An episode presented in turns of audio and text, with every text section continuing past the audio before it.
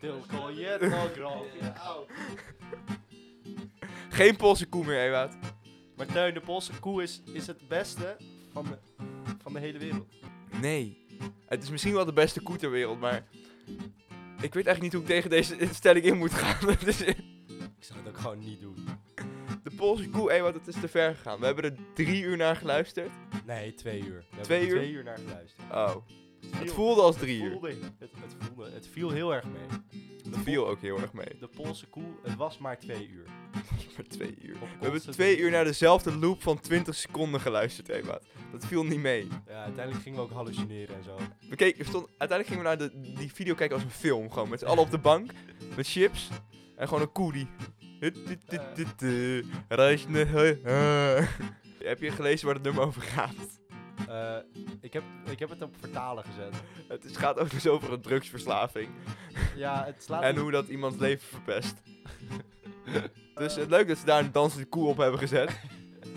Eigenlijk is het gewoon een heel emotioneel nummer. Het is echt... Het is, maar het is nou, emotioneel. Voor zover Poolse muziek emotioneel kan zijn op deze beat. Ja, oké, dat is waar. Maar het is wel schoon. Het is wel best wel lo-fi emotional hip-hop, man. Het is lo-fi emotional.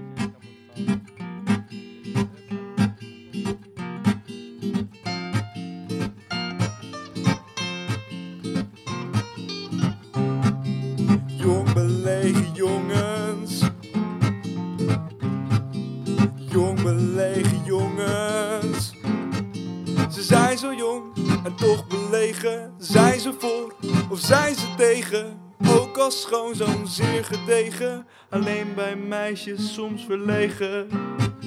Jong belegen jongens. Ze vinden er wat van. Teun, wacht. Teun, Ja? ik ben boos. Waarom? Ik ben boos omdat we nog geen 100 volgers hebben op onze Instagram. Nee, echt waar? Ja. Nog niet. Nee, nog hebben niet. We hebben er maar post- 40 of zo. We posten quality post naar quality post. Ja, inderdaad. En we hebben gewoon nog geen 100 volgers. Dus als je dit nu luistert, ja, En dat zijn er zit- sowieso 100. dat zijn er sowieso 100. Dan, en je denkt van, holy shit, ze hebben een Instagram-account en ik wist het nog niet eens.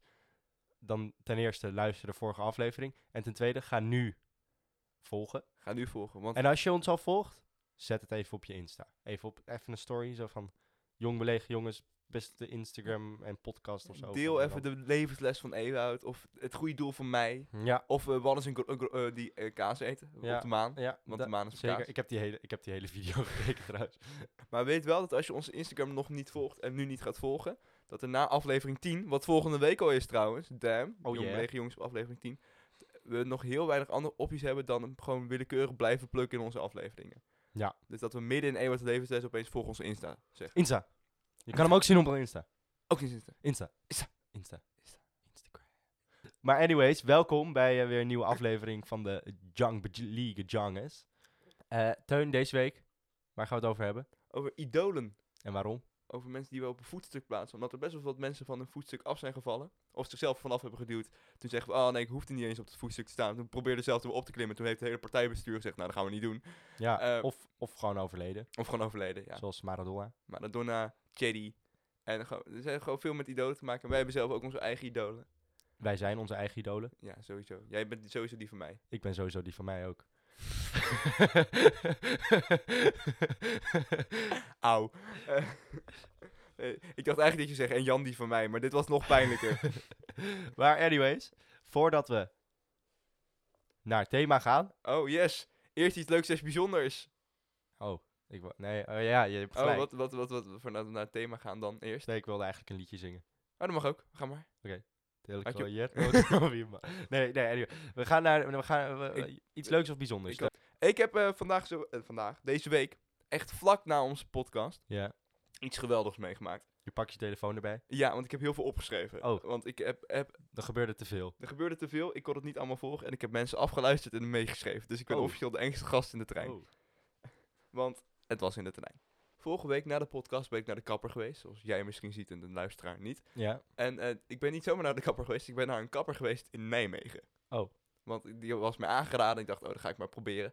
Maar ehm, Ga ik maar naar fucking Nijmegen. ga ik maar naar fucking Nijmegen. Weet je toevallig hoe lang het is in de trein naar Nijmegen? Een uur. Eh, nog langer, Anderhalf uur. ongeveer. Een Oh. uur en twintig minuten is het. Voor een haircut.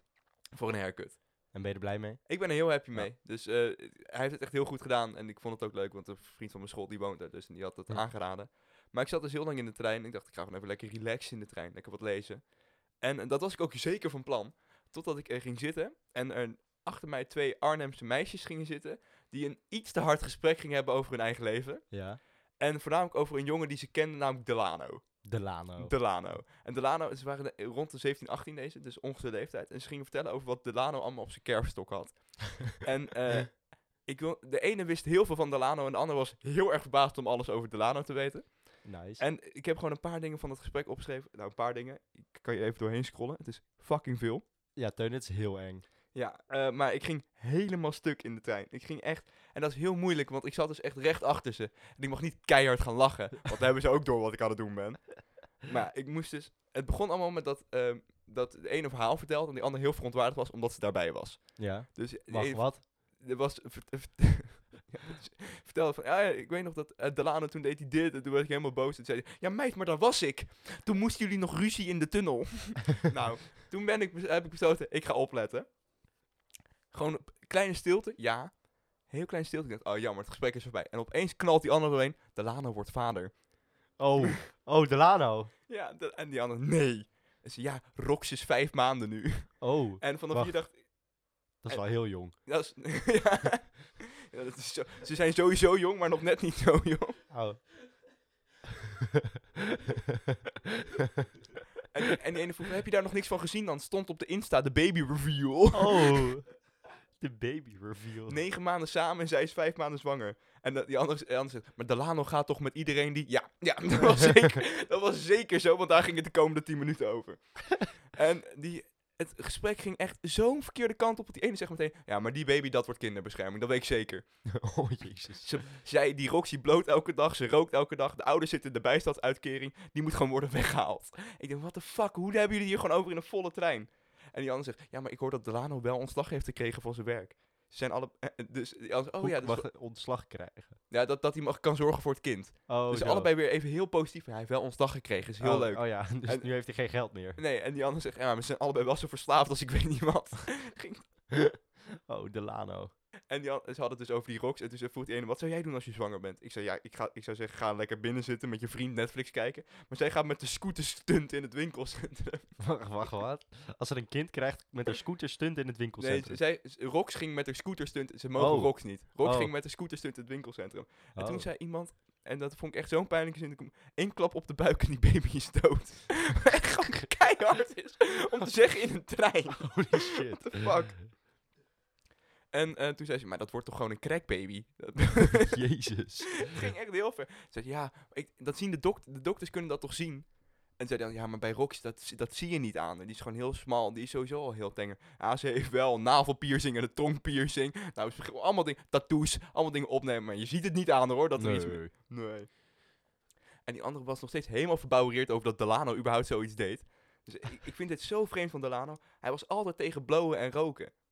En toen zei ik, maar echt tegen blowen? Ja, en roken. En zei, maar hij heeft toch wel eens een keer gerookt? Hij dealt nu. Oh. En, dus, wat, en die andere zei, nee, Delano dealen? En die andere, ja, in sigaretten. Ik Waarom het- deal je... Hoe oud zijn deze kinderen? ik weet het niet, onze leeftijd. Maar dat deal je toch Oh. niet in sigaretten? Nou, als je het. 17 bent, dan... Nou, hij was, en, Delano was 19. Oh, Delano was 19 en die dealt in sigaretten Ja. aan... Ja, ik weet niet, 12-jarige. 12-jarige misschien. Mhm, Ja, oké. Ik- ik Die kwam- van vijf maanden misschien. Ik kwam er met mijn hoofd niet meer bij, maar mijn volgende, het volgende stukje vond ik echt... Want die andere was echt verbouwd. Die mocht Delano echt. En die dacht, wat de koude is hier aan de hand? Die, zei, die zegt zo, Delano is zo'n schatje. Wat, wat doet hij nou met zijn leven? En die andere reageert, hij heeft een keer iemand bewusteloos geslagen met een ijzeren staaf. Jezus. en die andere, Delano, waarom?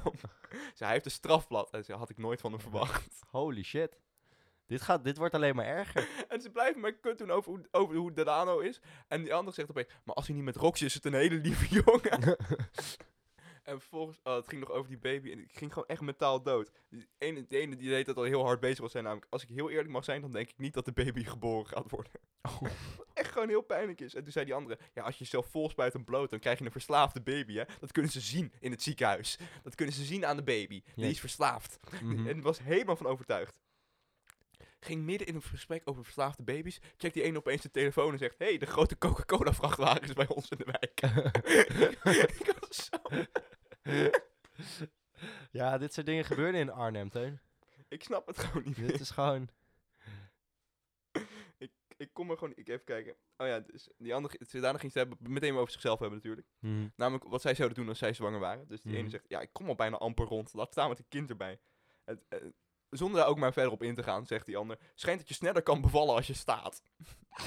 dat is met zwaartekracht en zo. Nee, dat is, en die ander begint meteen te lachen. Nee, dat is echt waar. Dat is echt waar. Dat is echt, heb ik gelezen. En die ander, ik zag laatst een filmpje. Ik dacht, oh nee, nee, nee, nee, nee, nee, nee. Iemand die in drie minuten tijd een kind baart. En die ander zo, bah. Nou, Wat de hel? Waarom kijk je daar video's van? En, en toen eindigde het met de prachtige conclusie over Delano. Ja, ik denk, weet je, hij had het niet gewild. Ik weet zeker, ik heb met hem gepraat, hij had het niet gewild. Waarop die ander zegt, ja, dan zie je maar weer hoe erg hij van Rox houdt. Wauw. Wauw. En ze leefde nog lang en gelukkig. Ja, nou, dat was echt het. Ik, ik had me voorgenomen om iets te lezen in die trein, maar dat is er zeker niet van gekomen. En dit gesprek duurde anderhalf uur. nee, dit was 40 minuten. Zij moest er in Arnhem eruit. En daarna ben ik gaan lezen. Daarna ja, ben ik gewoon even mijn notules bijwerken. En Ja, even kijken ja. wat ik nog herinnerde. Ik geloof dat ik eerst had moeten gaan, want mijn, verhaal is echt niet zo interessant. Je hebt wel iets meegemaakt deze week, dat zei Ja, nog. zeker. Want Jan en ik, Jan en ik die willen, eh, wij willen op reis met een busje. Klinkt heel raar, maar ja. we, we, weet je wel, langs de kust helemaal rijden, heel Ja, leuk, en- surfen, en weet ik wat. kinderen, snoep aan kinderen aanbieden. Dat is niet, nee, Jawel. nee. Maar dus Wout, deze week Ik gingen weet we naar... een voorwaardelijke stelstrap. Wat zei je? Wel een matras achterin, zeg Jan, Ja. wat, wat echt niet jouw zaak helpt. En ik, je hebt ook een voorwaardelijke celstraf van vorige week nog. Ja, nee, maar wij gingen dus kijken eh, naar een busje waar dan eventueel kinderen in kunnen. Ja. Ehm, maar wij gingen dus naar Katwijk, want wa- dat is waar die, die autodealer zat. Dus wij zitten in de auto en Jan vraagt zo aan mij, denk je dat ze ons überhaupt serieus gaan nemen? Twee 18-jarigen die een busje van 7000 euro gaan bekijken. Nee. Nee. Gokje? Nee. Maar anyways, wij dachten, we gaan er gewoon in met dat wij heel serieus zijn. Dus wij komen daar aan. Zo, ja, we hebben een afspraak, dit, dat. Ehm, eh, dus wij, kijken, wij gaan zo naar die auto. Je kent de professionals altijd. We hebben Ja. een afspraak, dit, dat. dat is Ja. Ja, dus alles wij, een rijtje. wij zo, hij laat ons zo die auto zien en we zo, ah ja, ja, ja. ja. We lopen er echt zo een beetje omheen van, wij weten wat we aan het doen zijn. We hadden geen benul van waar we aan het, kijken, naar aan het kijken waren. Dus hij doet zo die deur open van die auto. Ik zo, oh ja, ja, ja, ziet er wel mooi uit. Ik heb geen idee waar ik naar moet kijken. Hij gaat Oh ja, open. Dat is fijn. Ja, kan hij ook weer gaat- dicht? Hij gaat Ah, open. fijn. En wij zo een beetje op dat busje heen lopen. Ah ja, ja, hij heeft wel een beetje een paar scheurtjes, maar ja, nee, het is een mooi busje. De, die gast die was ook echt dingen aan ons aan het vertellen dat ik dacht van ja, dit, oké, ik snap dat je het vertelt, want het lijkt alsof de waarde er dan van omhoog gaat, maar het boeit niet. Blijkbaar was dat busje ooit geweest van de zus van eh Martien Meiland. Oké. Ja, Fijn. Dat fijn, die. Goed om te weten. of je het moet Dus hij- geloven. Dus hij kan naar Frankrijk. Dat is het Ja, of je het moet geloven, weet ik niet. Maar dat maakt niet uit. Dus hij zei, oh ja, ah ja, dat is wel gaaf op zich. Ja, ja, ja. Wij zijn. Maar ook daarin meegaan. Ja, dat vind ik heel ziek. Ja, eh, voor mij is dit, dit de pri- prijs wel echt omhoog. Ja, ja, ja. dat was eigenlijk niet zo slim nu ik over nadenk. maar, en wij, zo, wij lopen er zo omheen van, ja, ja. Een beetje zo aan dingen trekken. Een, beetje- Oh, een beetje tegen- dergens dingen duwen. Hebben jullie tegen de banden aangeschopt? Ja. Lekker, broers. Tuurlijk, tuurlijk heb ik tegen de banden aangeschopt. Dat is, dus wij lopen er zo omheen. Op een gegeven moment zeg ik zo, ja, mag ik, eh, mogen even onder de motorkap kijken? Weet je wel? Niet even kijken, hoe is de motor, maar nee, even onder de motorkap kijken. Dus hij zo, oh ja, ja, tuurlijk, tuurlijk. Dus die motorkap gaat zo omhoog. Ik zo, ah ja. Ja, Mooi. ja, ziet er wel goed uit op zich. Ruitenwisselvloeistof, goed. Ja, eh, helemaal in orde. Nou, aha, ja, daar zie ik nog wat. eh, ja, ja is, eh, een beetje roest verder, maar geen idee waar ik nou- keelgeluid ook. ik had geen idee waar we naar aan het kijken waren. Het zag er, weet je, het zag er schoon uit. Het was niet vies. Dat is het enige wat ik wist. Het zag er gewoon uit, het was niet vies. Zelfs daar weet je twee verschillende conclusies van te maken. je had echt geen idee waar je mee bezig was. We waren gewoon een beetje naar die auto aan het kijken. Uiteindelijk hebben we hem niet gekocht. Want nou, we hadden geen 7000 euro, heel eerlijk. Oh. Ja, dan hoef je hem ook niet serieus te nemen. Nee. nou ja, op zich, we hadden het wel, maar het was als je ook nog belasting en al dat soort Ah, dingen. Dus, eh, en uiteindelijk was het ook niet echt een heel goed busje. Er zat overal Hoe roest. kan het nou een slecht beetje... Hij is nog van de zus Ja, de zus van Martien, Meiland. geweest. Hij is ook voor 5000 euro is die motor gereviseerd. Oh, Wat ik niet snap, waarom zou je hem dan voor maar... 7000 verkopen. Ja, Dat is inderdaad een bijzonder. Ik Ja. zeg niet dat jullie niks van auto's en zo weten, maar ik weet niet wie dat heeft gedaan. Ja. Dat is ook onhandig. nou, maar dat zei hij misschien alleen maar omdat... Dan de, maar de waarde van de auto. Van, oh, we krijgen nu een supergoeie deal met deze 7000 piek voor deze auto. Terwijl, ja, dat inderdaad. Maar werden jullie wel serieus genomen door die gast? Ja, op zich wel. Alleen, we hadden gewoon geen idee wat we aan het doen waren. Misschien even inlezen de volgende keer. Maar eh, we moeten het toch even hebben over het thema, Teun. Want deze week, eh, idolen. Er is, er, er is er één overleden, Maradona. Ik weet niet of jij iets met Maradona had. Nou, we spelen heel veel voetbal op school en de hand van God is een term die we heel veel gebruiken. Oh, Dus die, hij, deed, hij kwam heel dichtbij. oh hij kwam heel dichtbij. nee, ik vind eh, Maradona verder ja, goede voetballer. Maar ik heb hem niet meegemaakt toen hij voetbalde. Nee, En ik heb hem vooral meegemaakt toen hij drugste. ja, en toen hij bijna dood was. Meerdere keren. Ik snap ook niet, hoe kan je, hoe kan je nog naar iemand opkijken? Kijk, ik snap, als hij heel goed kan voetballen en al dat soort shit, is het gaaf om naar hem op te kijken.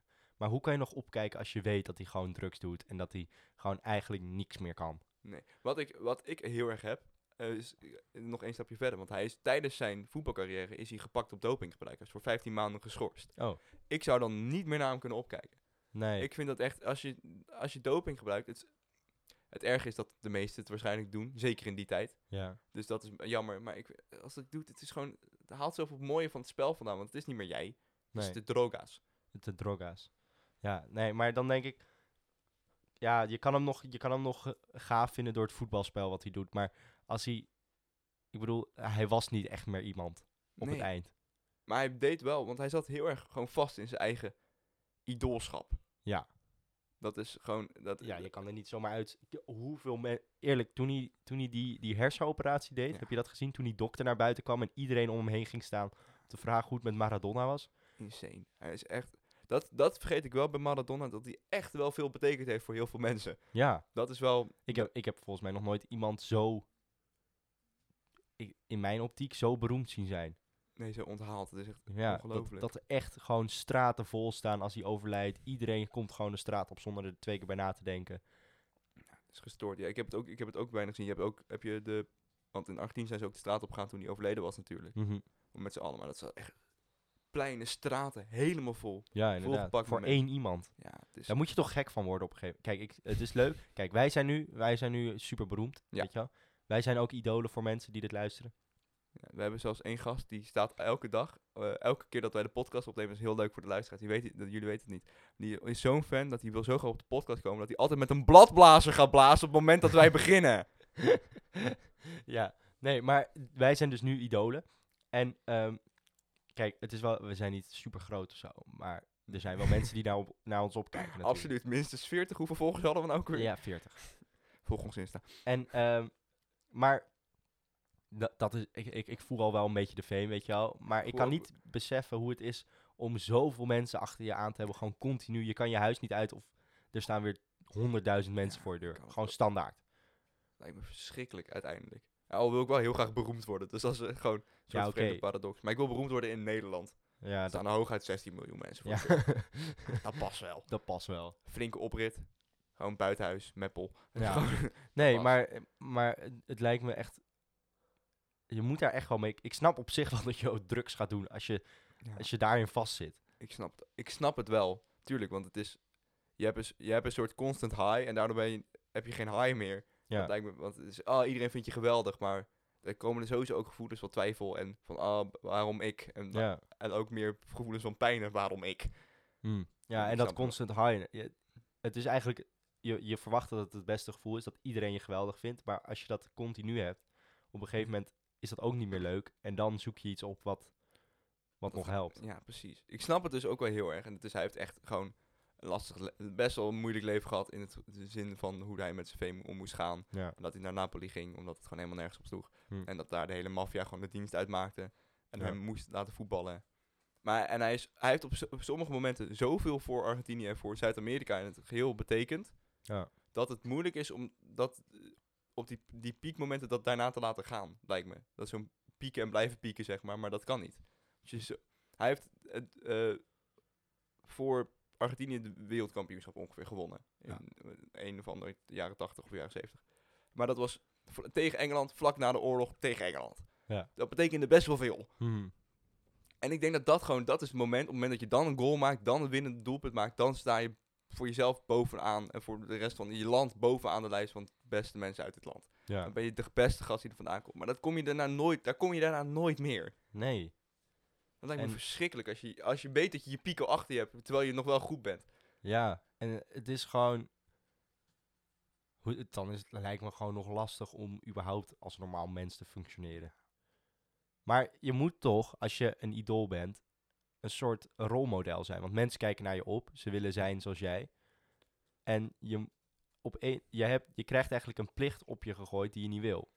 Tenminste, niet altijd. Nee, Want niet dat, maar je waar je niet voor kiest in ieder geval. niet bewust echt voor die publiek, maar je kiest natuurlijk wel bewust voor een publieke positie.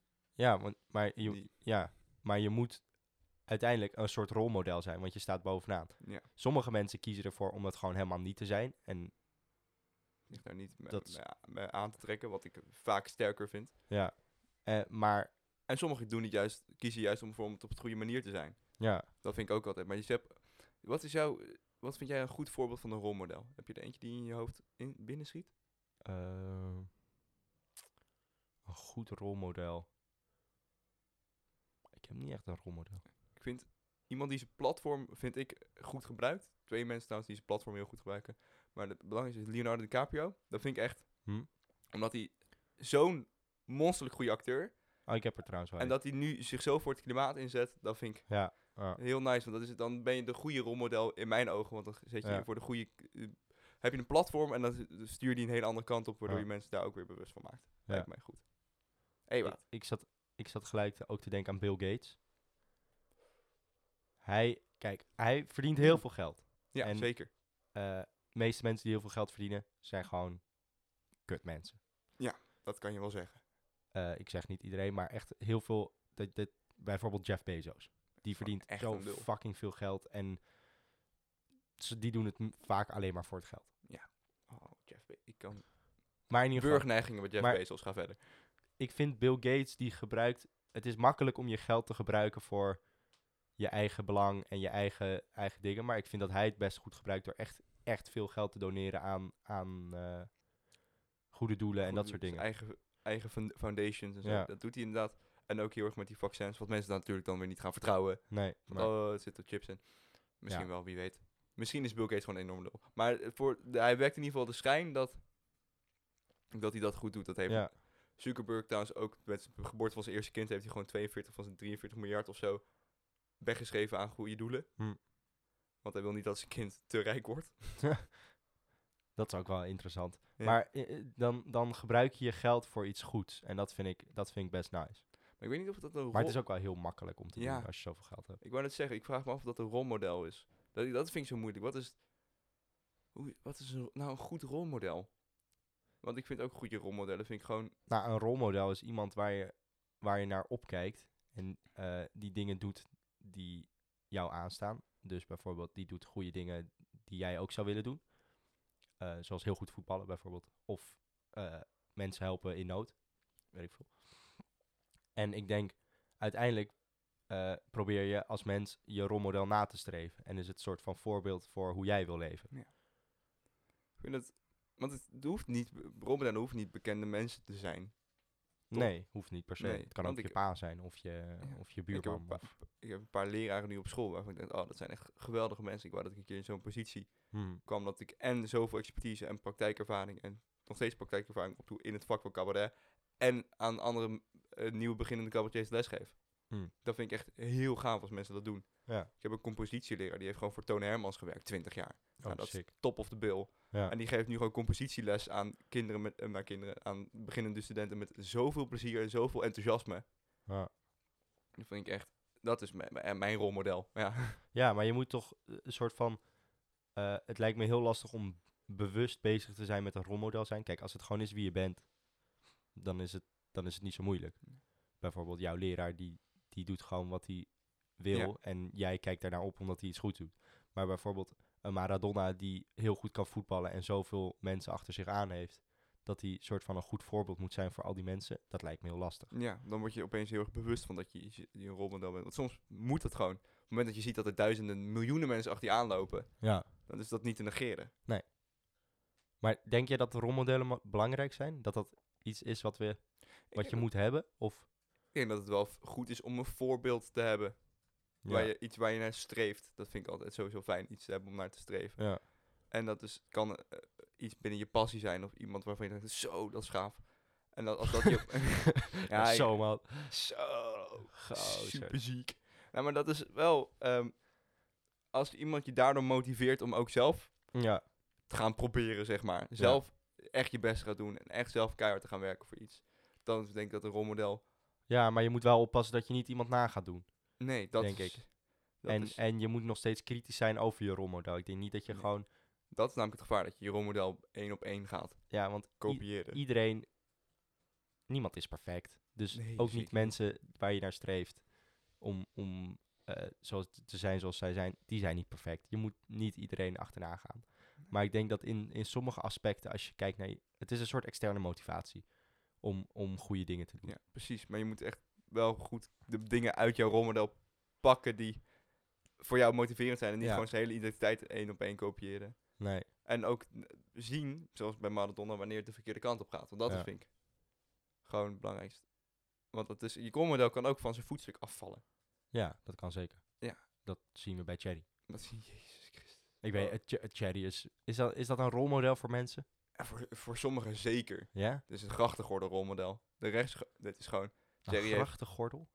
de gracht, ja, de, bij Amsterdam, de Ja? grachtengordel. Oh, allemaal rijke tata's. Allemaal rijke, ja, echt rijke tata's. Maar dat is gewoon voor de, de, de rechtse rijke elite. Hmm. Is Thierry lijkt me voor de jongeren best een rolmodel. Er zitten ook heel veel mensen in de jonge FVD Ja. die gewoon van, ah, ik heb helemaal niks met de politiek. En daarom ga ik de politiek in om elkaar tegen in te gaan. En Thierry Oh, is mijn ja. held. Want er zit, je, merkt wel, het enige van wie Thierry nu nog enige steun heeft, is van zijn achterban. Omdat hij gewoon immens populair is. Ja. Wat gewoon heel eng is. ja. Maar die is ook wel... Maar hij is ook... Ik, ik bedoel, ik keek, ik keek dan een interview met hem. Hij is op zich best overtuigend. Hij is heel overtuigend. Als je, in zijn, als je enigszins naar de rechterkant van het spectrum, politiek spectrum valt, wat Ja, je niet ik, hebt. als, je, als je alleen maar... Ik luisterde dan naar, naar dat interview. En ik zat op een gegeven moment van... Ja, ik, ik snap op zich wel waar hij vandaan komt. Ja, maar ook- je moet oppassen dat je niet alleen maar naar hem luistert. Zeker. Want eh, heeft hij ook echt, is hij gewoon boos om iets geworden in dat interview? Over is, is hij een misstand in, de in Den Haag, zeg maar? Mm, nou, hij is vooral boos geworden over dat hij... eh, dat iedereen boos op hem wordt. Omdat hij uit de partij is gestapt. En niet gedaan heeft wat mensen wilden dat hij deed. Dus bijvoorbeeld die kinderen eruit tieven. Ja. Ehm, Dat is een makkelijk manier om het maar te zeggen. hij, hij, werd er, hij, werd er, hij werd boos over dat die reactie zo sterk was. Terwijl hij in zijn opzicht helemaal niks fout had gedaan. Ja, maar dat klopt. Ja, ik snap, eh, hij vindt dat waarschijnlijk zelf inderdaad en hij kan het heel goed verdedigen. Maar je moet ook gewoon kijken naar wat, Wat zelfs de rest van de FVD vindt.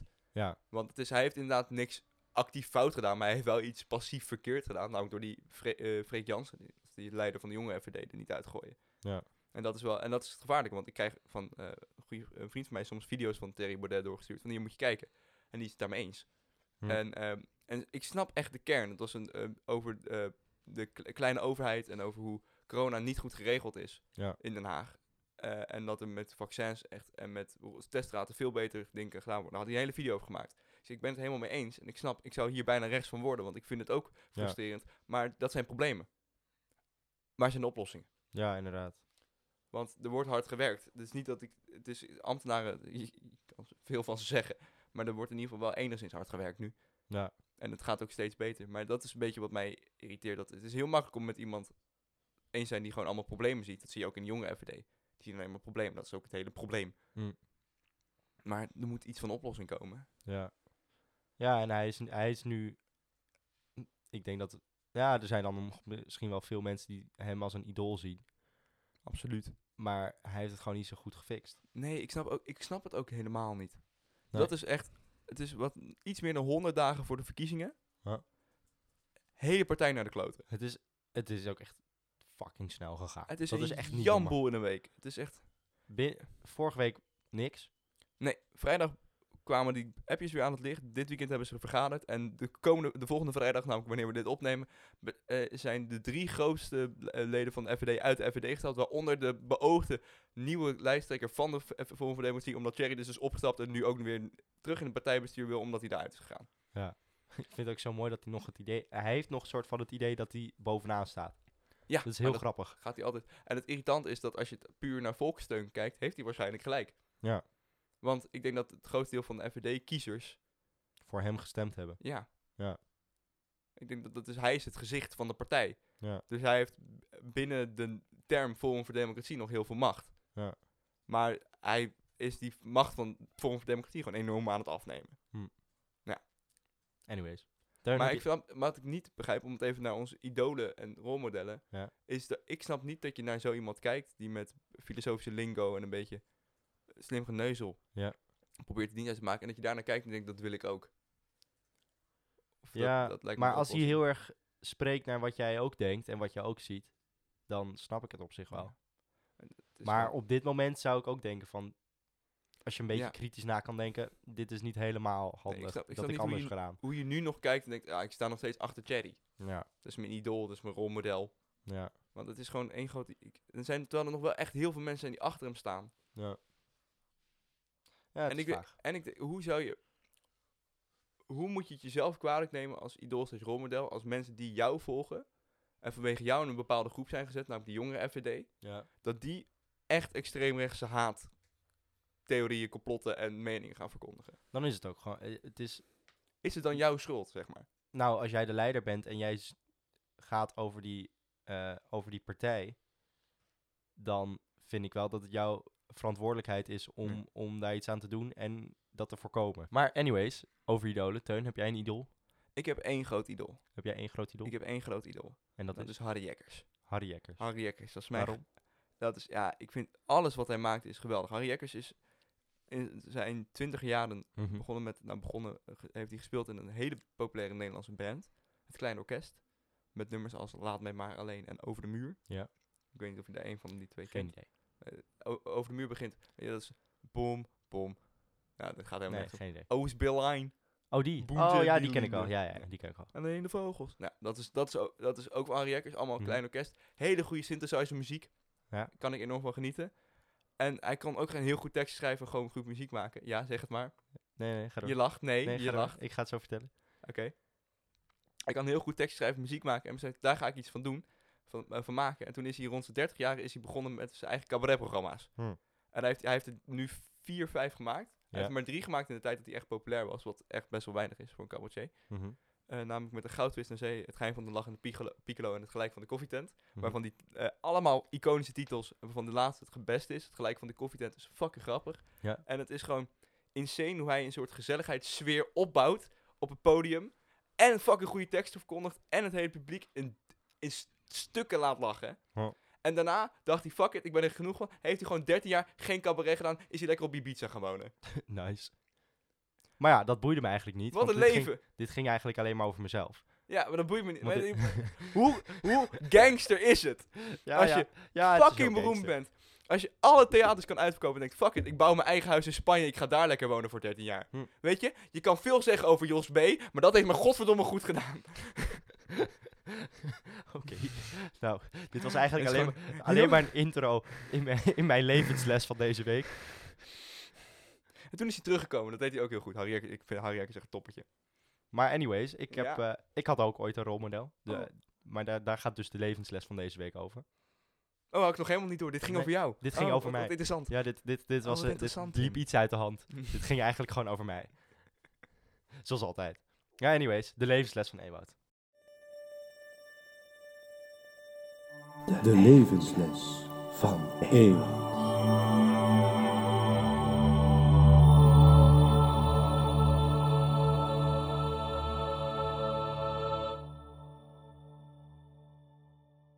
Oké, maar Teun, dus Harry Jekkers is jouw idool. Zekers. En er zijn mensen, Maradona, eh, dat is een idool, Cherry of zo, weet ik veel. Het kan ook een idool zijn van je.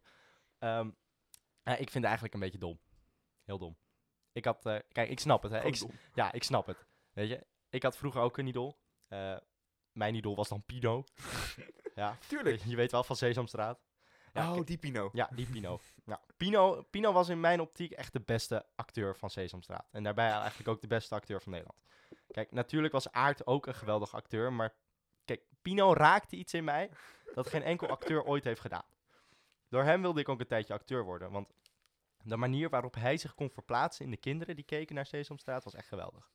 Hij kon zich zo goed in die domme vogelrol stappen, dat ik daar alleen maar adoratie voor had. Dus ik wilde hem een keer ontmoeten. Dus ik opzoeken. Waar wordt Sesamstraat gemaakt? Nou, Nou, op Sesamstraat. Nou, ja, oké. maar maar eh, het is heel logisch. Wordt gewoon in Hilversum gedaan. Ja. In de mediastad. Let's go.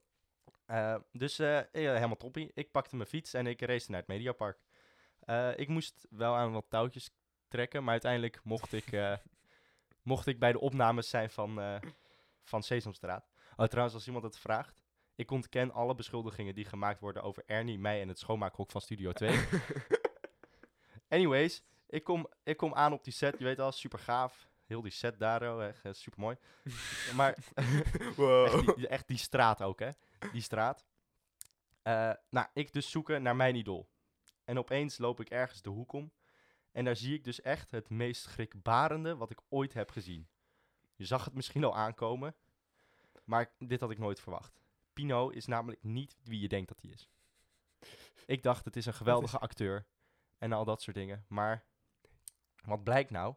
Pino heeft dus echt de grootste kookverslaving ooit. ik kijk dus die hoek om en ik zie hem met zijn leren jas aan en een zonnebril op, zijn snavel diep in de cocaïne verbergen. Ik had wel verwacht dat hij niet zo was zoals op tv, maar dit had ik echt niet verwacht. En daarbij is, het ook nog, daarbij is hij ook nog echt zwaar vrouwonvriendelijk. Idi Mini zou aangifte moeten doen. Maar dat brengt me dus wel bij de levensles van deze week. Ontmoet nooit je idolen, Teun. Dat is de Ja. levensles van deze week. nooit, nooit je held ontmoeten. Nee, het is gewoon niet wat je verwacht. Ik altijd, als ik naar Pino keek, ik had wel zo'n idee, er zit altijd wel een inimitoetje achter. Ja. Maar ja, ik dacht, kijk, het is gewoon echt. Ik dacht echt, het is een goede acteur. Maar dit had ik niet verwacht. nee, het is no- gewoon nooit je helden ontmoeten. Nee. Maar met Ernie was het, nou, oh sorry, mag ik niks over zeggen. Dat was blijkbaar gezellig. De dingen die jij allemaal op je kerfstok hebt staan ik als moest aan wat touwtjes trekken. Ik moest misschien ook aan Ernie trekken. We deden wat gedaan moest worden. ja. ja. maar ik ontken alles. Je ontkennen. We hebben niks gedaan. Ik heb niks gedaan. Sesamstraat. Oh. Dat is wel een vreemd... Stel, ik hoop dat daar een keer de postcode loterij valt. De Sesamstraat. Sesamstraat. gewoon. Opeens, opeens eh, zie je Tommy zo in een Porsche op, eh oppoelen. Oh, uh, postcode loterij. Je weet? Apoe. Poe, hé. Inparkeren. Graaf Dracula met echt de dikste fit die hij heeft. Graaf Ja. Tel, sorry, zo heet hij. Dikste fit. hey, Graaf Tel, hoeveel Ferraris heb jij? Eén. Ah, ah, ah. Twee. En dan gewoon 27. Nee, dat zou wel grappig zijn. Heb jij, heb jij wel eens iemand gehad dat je, dat je op tv of zo dacht van... Ah, dat is wel een coole gast. Dat je hem dan in het echt tegenkomt en denkt... Nee. Nou, ik ben voor mijn gevoel dus keihard geghost door een van mijn idolen. Oh. Of een van mijn, mijn helden. Ik ben een keer naar het uh, televisiegala geweest. Ja. Waar de televisiering en andere Gaaf. prijzen worden uitgereikt. Fucking ziek. Mhm. Ik heb, eh, en daar best wel veel mensen ontmoet. Ook heel veel van de selectie van Ajax. Waar ik toen heel fan van was. Dus Mhm. Jasper Sillis, een dikke shout-out. Ja. Ja, was zo fucking leuk. Eh, maar ik wou daar ook heel graag naartoe. Omdat ik eh, wist dat Art Royakkers er ook zou zijn. Ik vind Art Royakkers Mm. vind ik echt een ongelooflijk leuke gast. Ik vind zijn podcast nu nog steeds leuk. Ik vind hem eigenlijk steeds irritanter worden. Maar ik vond hem bij Wie is de Mol echt geweldig. Ja. En ik dacht, oh shit, die wil ik echt ontmoeten. Want ik heb alles van Wie is de Mol gezien waar hij in zat. En ik heb heel veel... Ik keek toen echt best wel vrijwel alles waar Art Royakkers ook maar aan meedeed. Ja. En hij was daar bij het televisiergala. Ik dacht, Mhm. yes, oké, dan kan ik hem ontmoeten, foto met hem maken. Fucking ziek. En toen ging ik daarna naar de lounge waar iedereen daarna gaat chillen. Ja, Al die BN'ers en zo. die echt, je loopt echt door heel bekend Nederland en onbekend Nederland heen. sick. En fucking grappig, fucking gaaf. En het is eigenlijk, ik, weet je, ik kan als kind kon ik toen nog op foto's vragen. Moet je eigenlijk gewoon niet doen. Dat is gewoon super kut. Ja. Met- laat mensen Ik- genieten. Mijn, mijn tante doet dat altijd. Ik, Ja, jouw tante mag ook, wil ook naar Hilversum toch, omdat ze vindt dat ze dan BN'ers tegenkomt. Ja. ja, inderdaad. nu heeft ze zometeen een BN'er als, eh, als neefje. ja, ja, podcast BN'er. Yes. En vanwege je affaire met... Er, nou, affaire niet.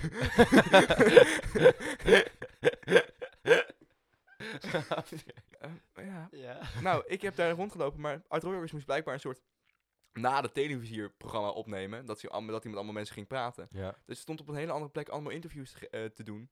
En ik heb hem helemaal niet ontmoet. Dat was best wel kut.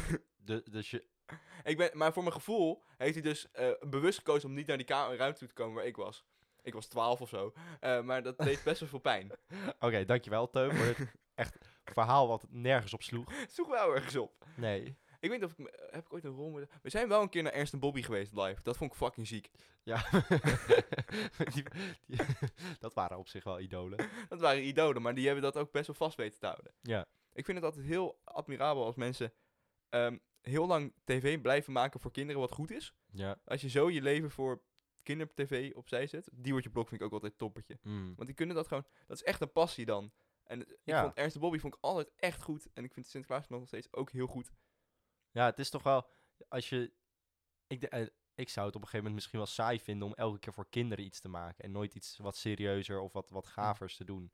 Maar sommige mensen hebben daar gewoon een passie voor. En ik heb bij eh, Ernst en Bobby ook altijd heel erg het gevoel dat ze daar toch wel hun creatieve ei in kwijt konden. Want ze hebben echt fucking absurde dingen gemaakt. Ja. Nummers over kaas. Ik ben geloof ik nog nooit echt teleurgesteld door een idool. Heel veel mensen kiezen een verkeerd idool. Ja, Zoals in mijn Thierry mening wel. Baudet. Cherry, Tromp, we hebben het er al een beetje over gehad. Ja. Eh, Jo- Jan Pieterszoon Koen is voor sommige mensen ook opeens van, ah, mijn held. Is dat nu opeens weer Ja, maar dat was, dat was door, door de hele discussies van de laatste paar jaar. Zijn mensen van, oh ja, al die VOC-mensen, dat zijn echt mijn helden. Hmm. Ik heb zo eens een video echt heel fout. Gewoon de grootste Nederlandse helden. En dan is echt met opzwepende vioolmuziek. En dan gewoon een soort PowerPoint-presentatie van Piet Hein en Jan Pieterszoon Koen. wat de hel? En, en Fokker, wat echt niet kan ook. Dat is, je kan veel zeggen van Fokker, maar het is geen Nederlandse held. Ik weet niet wie Fokker is. Anthony Fokker van het vliegtuigmerk Fokker. Oh, dat. Ja. Oh, maar dat komt door die nieuwe serie waarschijnlijk. Ja, de Vliegende Hollander. Maar Ja. ik weet niet of jij weet hoe, wat Fo- Fokker in de periode 40-45 heeft gedaan. Eh, ik denk vliegtuigen leveren aan de nazi's. Heel goed, Ewout. Ding, ding, ding, ding. En Daarom, vind ik, daarom zeg ik zelf al, ik snap dat de VOC en de slavenhandel daar nog enigszins discussed topic is, want we hebben er wel heel veel profijt van gemaakt, dus dat mag het blijkbaar. Mhm. Maar ik mag toch hopen dat als je dingen voor de nazi's hebt gedaan, dat je dan vrij snel als, niet als held bestempeld wordt in ieder geval. Ja, inderdaad. Maar ik, het is. ehm, wat, wat denk je dat het maakt dat mensen voor dat soort helden kiezen? Of dat soort idolen? Ik denk dat het, het begint voor mij, eh, in mijn mening, altijd met onderbuikgevoelens. Ja. Dus de, jouw meest primaire gedachten en eh, angsten worden bevestigd door iemand die hetzelfde heeft. Ja. Dus oh, ik ben, ik, ik ben bang voor immigranten. En oh, dat heeft iemand anders ook. Ja. En in plaats van dat je dan die angst confronteert of zegt van hé, we kunnen ze ook gewoon accepteren, ga je er boos om worden? Ja. Ga je, ben je er tegen? Dat, ook die reactie snap ik nog. Mhm. En ik denk dat vanuit zo'n onderbuikgevoel begint degene die opeens al die steun krijgt, krijgt meer macht. En macht corrumpeert. Het corrupts. Ja. En ik denk dat dan, op het moment dat je dan iemand volgt, dan gaat hij ook steeds extremere dingen doen, omdat het lijkt in de smaak te lijkt te vallen bij de kiezers of bij de, zijn volgelingen. Ja, en ik denk dat het ook een soort. Je moet ook wel kritisch naar iemand kijken. Ja. Want eh, het is heel makkelijk om dingen weg te wijven van ja, hij doet het alleen maar om dit. Ah, hij doet het alleen maar om, om dat te doen. Weet ik veel. Ja. Maar ik denk, Nee, ik snap door, je omdat je hem. Dat, dat eer, die eerste indruk, die gaat uiteindelijk niet weg, denk ik. Ik denk dat dat het probleem is. Dat, de- die eerste indruk, denk je van, oh, hij heeft echt precies wat ik ook heb. Ja. Eh, zoals Trump, hij, hij vindt het, ehm, is een banenprobleem in Amerika Nou, en dus bijvoorbeeld, ik ja, heb geen baan Washington en, is corrupt. Dat is, en hij gaat mij helpen. Eh, en ik ben boos op, op, op Washington inderdaad, omdat ik geen baan heb. En Trump komt binnen en die gaat jou daar precies mee, zegt dat hij daar, jou daar precies mee gaat helpen. En dan, dat die eerste, ja, hoe zeg je dat? de eerste reactie. Die eerste reactie van jou is denk ja, is wow, ik moet hem volgen. Ja. En vervolgens ga je niet meer kritisch naar hem kijken. Nee, en dan moeten dus andere kanalen zijn die dat wel doen. Die moeten Ja. niet zeggen van, oh, dit is gewoon een vreemde presidentskandidaat. Die moeten dan kijken van, nee, dit zijn zijn serieuze plannen en het staat helemaal nergens op. Ja, Op dat moment kan je hopelijk nog wel met logica of met in ieder geval met Mm. retorica overtuigd worden. Ja. Op het moment dat je niet meer overtuigd kan worden, dan is het hek van de dam. En dan, dan is het ook, dan, dan, dan ga je echt achter de verkeerde mensen staan. Ja. Want dan ga je ook achter iedereen staan die hij, die jouw rolmodel weer kiest. Zoals Mm. bijvoorbeeld een Steve Bannon, die gewoon ongelooflijk racistisch is. ja, En dat is, het, het is een soort slippery slope. Want je begint met één mening die je goed vindt, dan ga je die persoon volgen. Die merkt dat zijn, eh, de, een van die meningen die vrij extreem was, goed valt bij een grote groep. Hm. En die gaat steeds verder. Je ziet het zelfs bij YouTubers. Dat vind ik zo grappig. Maar dan niet in meningen, maar in eh, ideeën voor video's. ja. Dan maken ze één keer een video van, oh, we breken hierin. Dat doet goed. En dan maken ze alleen maar van dat soort video's. Totdat ze een keer bij Area 51 inbreken. Wat gewoon te ver gaat. een misdaad is. ja. En dat de rest ook al, maar wat echt gewoon te ver gaat. En ja, dan word je opgepakt. Maar ik denk dat het ook een soort van ontkenning is, hè? Dat, dat je... Misschien deed iemand iets wel heel goed voordat, je, voordat hij eh, eh, eigenlijk corrupt of gewoon kut werd. Maar je wilt soort van ontkennen dat, dat hij echt zo is als dat andere mensen hem Ja. laten zien. Omdat jij hem echt kent, omdat je Echt, hem volgt. Ja, omdat je echt... van, Oh, hij was zo goed. En Ja, dat was bij eh, Rudy Giuliani. Ik weet niet of je weet wie dat is. nee. eh, eh, hoofdadvocaat van Trump. Heeft Ja. hem enorm geholpen. En die was heel populair, want die was burgemeester van New York tijdens 9-11. Hm. En die heeft het, daarna heeft hij echt de rust in de stad weder laten keren. En heel goed opgetreden. Heel sympathiek richting iedereen. En dat, Ja. dat was echt een PR-wonder was hij. Het Hm. was echt zijn gezicht bij alles. Was echt, hij werd een Time, eh, Times Person of the Year. Oké. En hij, ehm, echt alles, als, die, als je wil dat hij spreekt, ergens kost het ongelooflijk veel. Ja. Maar overal waar hij kwam, het wordt liquid gold. Want alles waar hij kwam, eh, gebleven mensen kijken omdat het zo'n inspirerende man was. Ja. Maar, en dat is het beeld waar heel veel mensen aan vast zijn gaan houden. Terwijl het ook gewoon een hele rechtse eh, en eigenlijk best wel stomme gast is. Hm. Hij heeft ook heel veel slecht gedaan voor New York. Hij heeft echt politie, police brutality enorm opgeklikt. Terwijl, dat is in, ieder geval, dat heeft niet opgeklikt, maar dat is enorm omhoog gaan tijdens zijn reign. Ja. En nu is hij dus voor Trump, de Trump-campagne gaan werken. En die kracht van die naam, die werkt nog steeds. Want mensen denken nog steeds, oh, dat is die hele goede burgemeester. Ja, Dit- ja. Echt goed heeft gedaan. Terwijl die gewoon nu echt re- rechtse leugens aan het verkondigen is op tv. ja. En dan is het, lijkt me zo moeilijk om dan te denken van, oh shit, maar dat, ik volg deze man al heel lang. ja. En opeens doet hij iets waar ik het gewoon niet... Opeens is hij anders dan ik gedacht had. Hoe, Het is een soort schaamte die je voor iemand hebt. Of een schaamte dat je diegene gevolgd Ja. hebt. En dan ga je er maar 100% in. precies, misschien dat is het. Schaamte. Zon- zonder dat je het doorhebt. Of dat je... eh, of misschien wel dat je het doorhebt, maar dat je gewoon niet durft te zeggen dat het gewoon een lul is. Ja. Schaamte, inderdaad. Dat is het. Want je, bent, je, wil niet over, je wil niet moreel zwak overkomen, dus je moet hem blijven volgen. Ja. Want je hebt hem al een keer gevolgd. Maar je bent het ook niet meer met hem eens, dus dan zit je maar op een soort ja, compromis waar eigenlijk niemand van wint. Nee. Terwijl je kan je misschien ook eerder schamen voor eh, het feit dat jij anders denkt dan iemand anders. Maar als je dus omringd wordt door iedereen die hetzelfde denkt. Dat zou eigenlijk wel grappig zijn. Dat gewoon iedereen is die zich schaamt om uit te komen dat hij Ja, dat eigenlijk een lul is. En dan maar een soort community begint van, nou ja, is geen lul. Nee, is gewoon nul. Dat is echt, dat is gewoon een sitcom, tro- sitcom trope. Ja. Dat ze allemaal denken van, jij vond dit toch een goed idee? Nee. Ja. Jij dan? Nee, ook niet. En dan blijkt dat niemand het wou. Nee. En dan is er een gastpresident, weet ja, je. ja.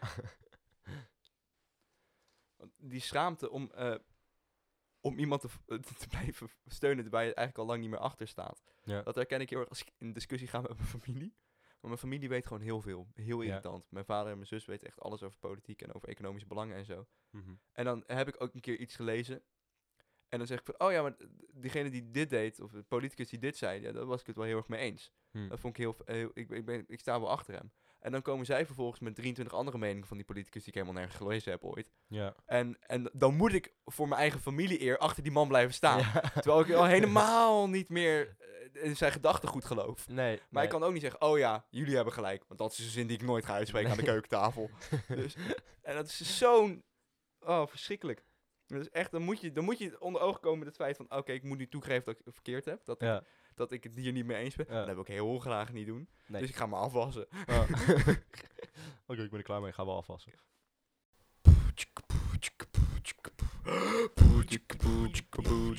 Dit is de jingle. Dit is de jingle van Teun. Dit is de jingle met de goede doelen. Goede doelen. Dit is de jingle. Ik ga trouwens wel een nieuwe jingle maken. Oh, weer? Nee, ik heb maar... Ja, oké. Misschien wil ik mijn oude gewoon weer. ik vind deze te, te formeel. Het is de jingle, jingle. Het is de jingle van. Het is de jingle van. Die oude De was wel veel leuker. met de goede doelen. Ja, Dan die oude. die gewoon nog. Ja, kan ook. Ehm, ik heb het, eh, deze week heb ik een publiek, publieke figuren gekozen om te steunen. Want Ja. ik, ik, ik heb, we hebben het al over gehad, het gaat niet heel lekker binnen Forum. En eigenlijk buiten namelijk de mensen die eruit zijn gestapt. En zeker, gisteren zijn er weer drie mensen uit de partij gestapt. Drie hoge eh, senatoren, Anne Bananega, eh, en die is uitgestapt in Eertmans. Het is gewoon één groot rotzootje. En die mensen die zoeken nu denk ik naar eh, politieke sturing. Die moeten, zoeken een plek om waar, weer, waar ze weer hun politieke ambities kunnen oppakken. En daarom dacht ik, ook in de trend van waar we het een paar weken geleden over hadden, wat nou als wij hun politieke voering, stroming geven?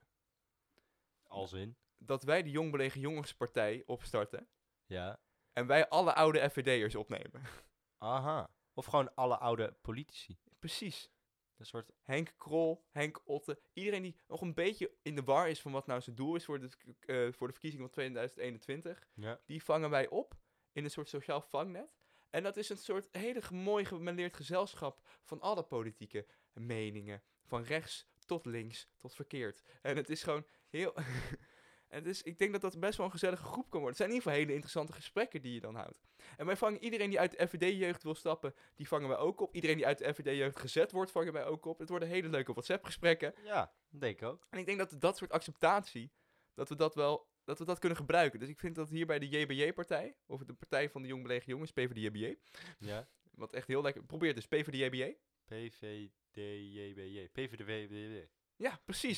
Zie je? Ja, En- nee, dat klinkt heel En het, het mooie is, het klinkt al bijna als DWDD, de wereld draait door, dus we worden sowieso uitgenodigd. Ja. Het programma bestaat niet meer, maar nee, maar we hebben er wel idee. over nagedacht. Ja, ja, zeker. Maar ik vind het zo jammer dat er zoveel polarisatie is. En ik denk, wat nou als we een partij tegen de polarisatie maken, en dat we gewoon iedereen innemen. een soort gepolariseerd... Ge, de antipolarisatiepartij. De, de APP, De APP. de app, Kunnen we... of de aap. Er worden wel hele leuke WhatsApp gebeuren.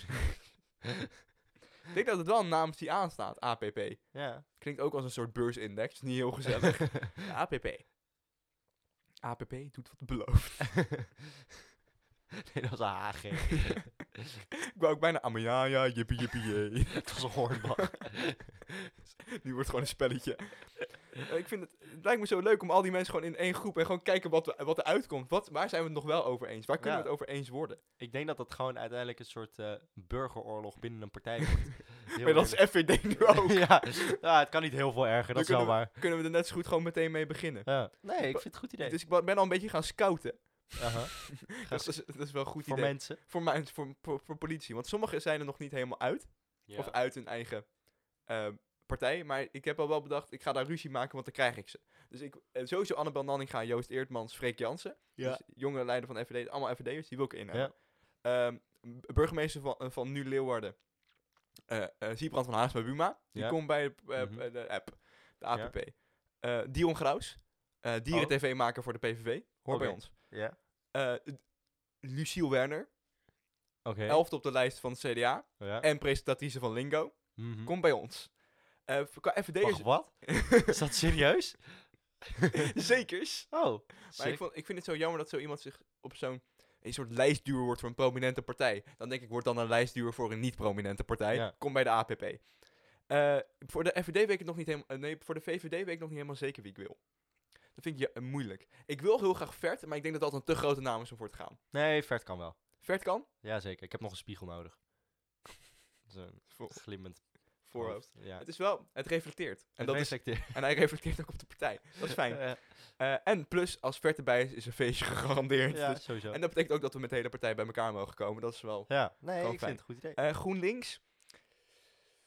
Ik wil weer voor de top dog gaan, weet je. Klaver is toch de grootste naam. Ja. Die wil je de maar ik denk niet dat hij daar zo snel weggaat. Nee, en daarom denk ik dat we voor een veel lager GroenLinks... Ik wil Tovik Dibi weer terughalen. Tovik Dibi. Ja, die ken jij niet. Dat was Nee. echt ook geen goede politicus en daarom wil ik hem. Oké. is gewoon... is gewoon Ik weet er ook nog wel één. nou? Ik, eh, denk ik. Namelijk Toenahan Kuzu. Toen hij is weer terug, hè. Ik vind het jammer. Ah, maar dan nemen wij Usturk. Dat is namelijk echt de grootste relmaker in die hele partij. Want die Ja. moet er zo meteen uit. Oké, nou, dat doen we die. Want ik wil eigenlijk ook Kuzu of Azarkan, maar die wil ik ook niet uit Denk trekken. Nee. Dus dan nemen wij Usturk. En dan had ik nog één idee daarnet. Oh, eh... kut. D66. Ik wil Pechtel terug. Oh. Ik wil... Die, ik- die hele affaire en dat abortusschandaal boeit me niet. Ik wil Pechtel terug. Oké, oké. Eh, en dan hebben we alleen nog de SP. En daar hoef ik niemand van. Oké. oh, de Partij voor de Dieren. Ah, die koe. Ja, die koe. doen we die koe. Nou, SP kunnen wel... eh, eh, hoe heette die ook weer? De lijsttrekker, lang geleden. Emil, met een rietje. Ja. Emil Roemer. Emiel Roemer. Ja. Ik merk wel dat, we, dat ik alleen de leiders ken. Dat is wel Ja. jammer. Ja, Om- dat is niet. Wouter, wie is Wouter Koolmees ook? Dat vind ik een leuke naam. Wouter Koolmees. Wouter Dat Koolmees. is gewoon voor de gezelligheid. Die wil ik Ja. ook. Die doet nu sociale zaken, maar dat... Boeien. Nou, dan hebben we een mooie partij. Even, welke, hebben we nu alle partijen gehad? Nee, we hebben PvdA niet, maar PvdA wint toch niet. Nee, Die, nee, komen, die komen na de verkiezingen allemaal wel naar ons toe. die, die is toch binnen een jaar terug. Ja, Of een weg, bedoel ik. Dus, ehm, Nee, maar ik vind het, eh, ik vind het een goed een soort vangnet voor de politieke... Ja. Ja. ik vind het zo jammer dat mensen dan opeens uit de politiek verdwijnen. Of ja, dan moeten, worden ze gedwongen om hele hoge eh, zakelijke banen te nemen. En dat willen ze natuurlijk helemaal niet, want ze willen helemaal geen geld verdienen. Want Nee. zijn politici, zijn, eh, politi- politici zijn oprechte, integere mensen met het hart op de goede Wat je plek. zegt. Wat je zegt. En ik denk dat we dat vooral in de APP moeten. De Ja. anti-polarisatiepartij. Ja.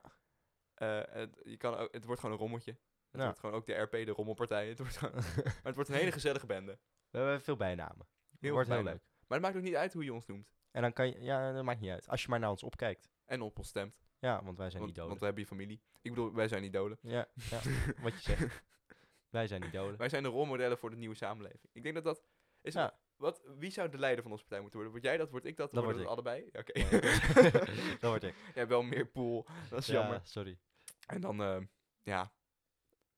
En wat doe ik dan? Jij mag voorzitter zijn. Zo, weet ik veel. Ik praat die be- aan elkaar. Ja, ja, doe maar. Dat Of de dan. financiën of zo. Oh Gadverdamme. Ik word wel secretaris. ja, Ik heb van Stalin geleerd dat je daar ook heel veel macht mee kan ik moet oppassen. Heel erg. Anyways, we gaan naar Jan. Yes, ja dus.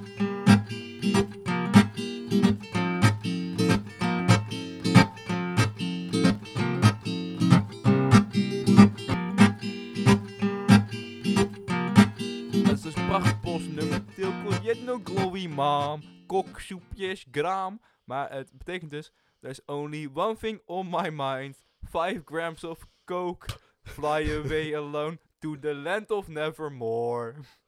There are thoughts inside my head when the state will end, when I won't be alone, because white eel will kick in. Ik denk dat dat cocaïne White Eel is Coca cocaine. cocaïne. Ik moet heel eerlijk zeggen, die dansende koe is wel een beetje een idool voor mij geworden. Zeker. Ik snap niet wat de koe zegt, want ik denk dat de koe het nummer inzingt. Nee, dat... Nee, de koe danst. Maar wie zingt dan? Tilko Jetno. Schijnbaar. Had ik moeten weten. Ja, de. Ja, dat is lekker. Brandlos. de geloofwaardigheid van idolen. Het is een interessant onderwerp, omdat idool vrij letterlijk inhoudt dat je die persoon waardeert en zijn boodschap gelooft en volgt. Het kan best gevaarlijk zijn. Als je namelijk gelooft in een idool, een persoon, in plaats van een specifieke gedachte, zet je automatisch oogkleppen op voor de duistere kanten van zo'n rolmodel. Knuifduif Maradona, hebben jullie al besproken. En wordt nog steeds door veel mensen eh, op een voetstuk gezet. In zo'n geval is nuance in mening dus amper een optie. En hoe erger het idoolschap, hoe gevaarlijker het wordt. Denk aan God bijvoorbeeld. God is een rolmodel. Er is vaak genoeg oorlog gevoerd om religieconflicten, hè, kruistochten. En dan heb ik niet over een openstaande gulp, maar over mensen. Zeg maar veel mensen die worden afgeslacht vanwege religieuze idealen. Een idool hebben zorgt voor een soort isolatie van je mening. Een idolatie. Maar tot op welke hoogte moet je door iemand geïdoleerd blijven? Wanneer houdt het op? Wanneer gaan mensen in plaats van de boodschapper de boodschap volgen? Want als je mensen als Cherry volgt en door hem jouw mening laat idoleren, is dat best gevaarlijk. Vooral als hij met zijn enge mening een grote achterban weet op te bouwen. En zelfs in deze tijd die achterban weet te behouden. Kijk, idolatie hoeft niet per se slecht te zijn. Kijk bijvoorbeeld naar Leonardo DiCaprio. Teun, jij zei het al. Hij gebruikt zijn positie als idool om zijn achterban te motiveren kritisch naar milieubeleid te kijken. Supergoed. Het probleem is alleen dat de media zijn boodschap niet van hem los kan koppelen als persoon. Leonardo is, sinds hij openlijk kritiek uit op klimaatbeleid en lobbyt voor beter klimaatbeleid, bestempeld als activist. Alles wat hij nu doet moet dan ook overeenkomen met de identiteit die hem gegeven wordt. Toen hij bijvoorbeeld laatst met zijn privéjet uit Frankrijk kwam om een prijs op te halen eh, voor zijn inzet voor het klimaat, eh, kreeg hij daar heel veel kritiek over. Het is ook best hypocriet. Maar dat betekent niet dat zijn boodschap niet meer geloofwaardig is. Het werkt dus beide kanten op. Als iemand op Sesamstraat geweldig lijkt, betekent het niet dat hij buiten het programma geen kook snuift. Maar als iemand hypocriet is, betekent dat ook niet dat zijn boodschap geen waarde draagt. Ga niet uit van de geloofwaardigheid van je idolen. Idoleren is isoleren, maar je kan beter van Pino leren.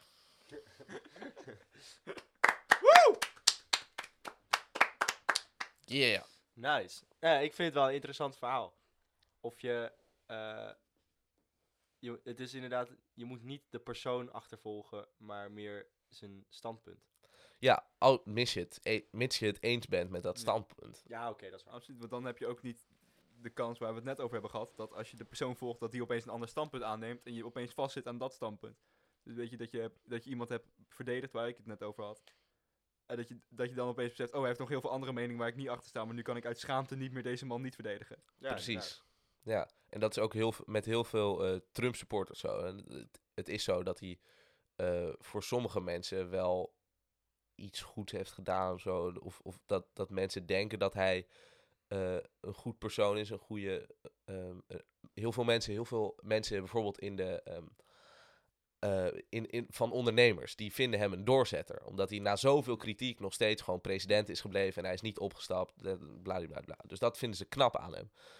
Maar als ze hem daardoor een idool vinden, dan betekent het nog niet dat ze het eens moeten zijn met al zijn politieke standpunten, vind ik. Of, En dat hoeft ook niet, maar dat gebeurt wel. ja, of het feit dat, dat snap ik niet. Als je, ik vind het best dat je de laatste vier jaar achter Trump en als beslissingen staat, maar dat betekent niet dat je erachter hoeft te staan dat hij nu niet zijn verlies erkent. Precies. Waarom zou je dan nu mee moeten gaan in dat hele, eh, eh, ja, in dat hele sprookje dat hij niet gewoon lekker zijn plekje vergeeft? Ik heb hier net een filosofieles over gehad toevallig. En het is de grote bedrijven, zeker de grote vervuilers, willen je heel graag doen geloven dat het verschil van de klimaatverandering zit in de eigen kleine aanpassingen. Dus Ja, in dat je minder lang doucht, dat je niet met de auto gaat, maar met de trein. En dan proberen ze juist heel erg te pushen van, oh, ja, als je, tegen, als je tegen klimaatverandering bent, dan moet je dat allemaal ook doen. Terwijl de enige veranderingen die je er daadwerkelijk toe doen, die zitten in de grote overheid en in de grote het bedrijven. zijn gewoon sancties, Sancties, kerosine. wetten en gewoon... De- hoe de fuck is het überhaupt, de, wa- waar slaat het op dat er geen belasting zit op kerosine? ja, ik vind het Of tenminste, eh, ik weet niet precies hoe het nu zit, maar een tijdje geleden was het geen en nu is het volgens mij minder belasting. Dat is toch bullshit? Ja, het is echt- Dat is waar ons hele klimaatbeleid begint. En dan is het inderdaad zo dat je een beetje wordt geshamed als klimaatactivist als je niet zelf alles goed doet. Nee, maar dat doen, ze, dat doen ze ook helemaal expres. Als je naar Shell kijkt, dan doen ze dat al 30 jaar. Doen ze e- expres, tar targeten ze echt de consument. Van, oh, dit, dit is wat jullie beter kunnen doen in het klimaat. En Mhm. dit zijn Shell's ideeën om dat te laten doen. Van, oh, kijk eens, wij proberen jullie beter te laten zijn in het klimaat. En dat doet al die grote bedrijven, die doen dat op bepaalde hoogte. En zeker als je dan ook, als de media dan ook nog eens Leon- Leonardo DiCaprio bijvoorbeeld aanvalt op het feit dat hij privéjet gebruikt, dan kijk je naar compleet verkeerde kant Ja, van het conflict. Want ik snap dat het makkelijk is om daar boos om te worden, maar dat is niet waar je boos om moet worden. Ja. Je moet boos worden om de grote bedrijven die er helemaal niks aan doen. ja. en er zijn, er zijn ook echt heel veel mensen die dan denken van... Oh, dat is wel echt super hypocriet van Leonardo. Hij was eigenlijk mijn idool, maar dit is wel echt eh, fucking vaag dat hij dit doet. Misschien moet ik nu zijn boodschap met het klimaat niet meer gaan vertrouwen. Maar dat is gewoon, dat is onzin. Want wat hij zegt is nog steeds goed. En ik bedoel, hij heeft er misschien niet het allermeeste verstand van eh, en ter wereld. het is iets maar wat hij ernaast doet, hè. Het is, Ja. niet, het is niet alsof dit zijn hele leven is. Zijn hele leven is Nee, nee, precies. Maar het is wel, het, het is een hele, hij heeft een hele bewuste keuze gemaakt om zijn eh, beroemdheid voor iets goeds te gebruiken. Ja, en dat vind ik ook heel netjes. Ja. Maar dat betekent nog niet dat hij de, de klimaatactivist van de wereld moet worden. En dat hij als een soort god leeft die Ju- niks, uit, niet, niks verbruikt of weet Ja. ik veel wat. nee. Hij is beroemd en daarnaast is hij activist. Maar hij is geen activist geworden. Dat is het Nee. een beetje. Dat, dat Hij kan de media niet echt hij goed is gewoon opvatten. activistisch gaan gedragen. En dat gedachtegoed van hem, dat is hoopt, ja, hij hoopt daarmee met andere mensen te inspireren om naar grote veranderingen te kijken. En niet naar de kleine veranderingen die, waar hij zelf niet keihard op wordt gepakt. Terwijl terwijl dat helemaal geen zin heeft. Ik wou het een paar weken geleden ook over hebben. Het is de hele tijd wordt het probleem bij de, bij de mensen gelegd. Bij de consument. Terwijl er op grotere Mhm. schaal dingen gewoon niet goed geregeld zijn. En dingen gewoon veel beter met sancties en met wetten en, betere regelgeving moet het gewoon veel beter gestuurd worden. Ja, het is mo- moeilijk. Want je moet een wet opleggen voor een grote groep mensen om met een grote groep mensen iets te bereiken. En als je dan boos gaat doen op die grote groep mensen, omdat zij zelf niet eh, eh, dat uit zichzelf doen. Niet iedereen heeft er baat bij om eh, klimaatactivist te zijn. Maar wel iedereen heeft er baat bij dat de planeet uiteindelijk niet vergaat. Precies. En het is, het is En dat moet, de geme- dat moet de, eh, het- beleid moet dat inzien. Ja, want is, je bent niet, niet een klimaatactivist als je wel gewoon lang doucht of met auto ergens naartoe gaat. Klimaatactivisme kan inhouden dat je grote problemen probeert aan te kaarten, wat voor mij belangrijker is. En het beleid moet dat ook reflecteren in plaats van dat we nu de hele tijd mensen pakken op hun individuele keuzes. Want dat is precies wat de grote bedrijven die heel veel vervuilen willen. Oké, klaar. Ook weer gehad. Doei! Oké, lekker jongens. Hey, eh, luister, luisteraars, dankjewel voor het luisteren.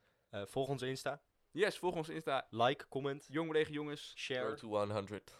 Yes. Ja. Als je ons wilt sponsoren, jbapodcast.gmail.com. Yes. Slaap lekker. Joe, joe. Rusten. Kusjes van de boys.